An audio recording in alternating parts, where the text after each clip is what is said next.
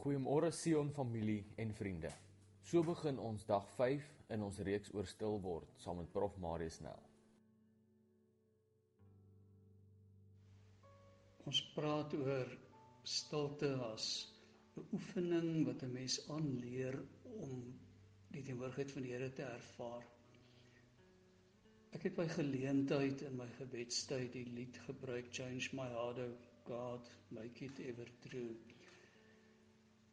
En toe ek 'n oomblik stil word, dis asof ek hoor nee, ek wil nie jou hart verander nie. Ek wil eerder dat as jy in 'n situasie beland wat jou nie pas nie en wat jou gefrustreerd laat, dat jy sal bid, Here, help my om my eie gesindheid te verander, om my eie hart te verander. Eenmal dink ek terwyl die gemeente saam sing. Hierdie lied het sulke mooi woorde. En dis asof ek hoor wat lê in jou hart. Sing jy met jou kop of met jou verstand? Evalueer jy die woorde van die lied of gebruik jy die woorde van die lied om om by my uit te kom, om jou hart op my te rig? By 'n ander geleentheid bid ek, Here, ek wil U graag sien hoor kyk na jouself in die spieël as jy genadig is dan sien jy my as jy mooi werk met ander mense. Wat is jou ervaring? Hoe praat die Here met jou? En einde van die dag wil jy nie aanleer om stil te word nie jy nee jy wil eerder aanleer om stil te leef.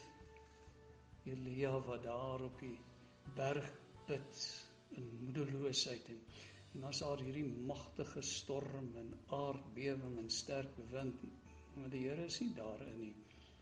Daardie stil oomblik ervaar hy hoe dat die Here hom ontmoet. Nou, ek dink dit is belangrik dat 'n mens sal sê gebed is om met die Here te praat, maar ook om vir jouself te sê dis net die helfte van die misterie van gebed. Die ander helfte is is die gebed van die hart.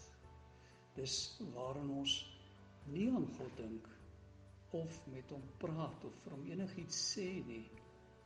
Ons verkeer slegs met hom. Ons ons beleef sy teenwoordigheid in ons deur sy gees wat in ons werk.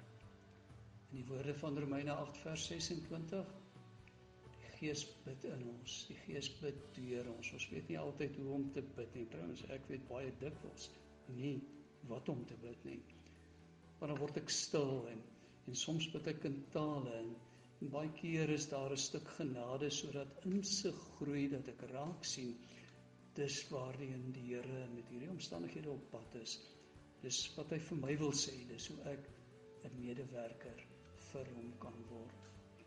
In antieke tye het tempels te vol sy sonderlike hoë drempels gehad. Jy moet as ware daaroor geklim het. En dit het jou verhinder. Jy kon nie sommer net instorm in die gode se wêreld nie. Net so gaan gebed van die hart jou lewe verander.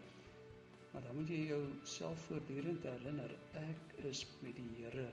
Ek het met hom te doen. Ek is in sy teenwoordigheid. Hy is die heilige God, die totaal anders God dat ek my skoene uittrek wanneer ek in sy teenwoordigheid kom. Mag jy 'n mooi dag hê.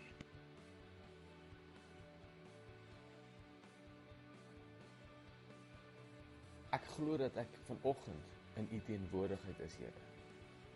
Ek wil luister en hoor wanneer u met my praat. Ek wil u hart verstaan want dit is dan dat ek als om my deur u oë sal begin sien. Dankie dat ek as mens die voorreg het om in U teenwoordigheid te wees. Ek bely dat U God is. Amen.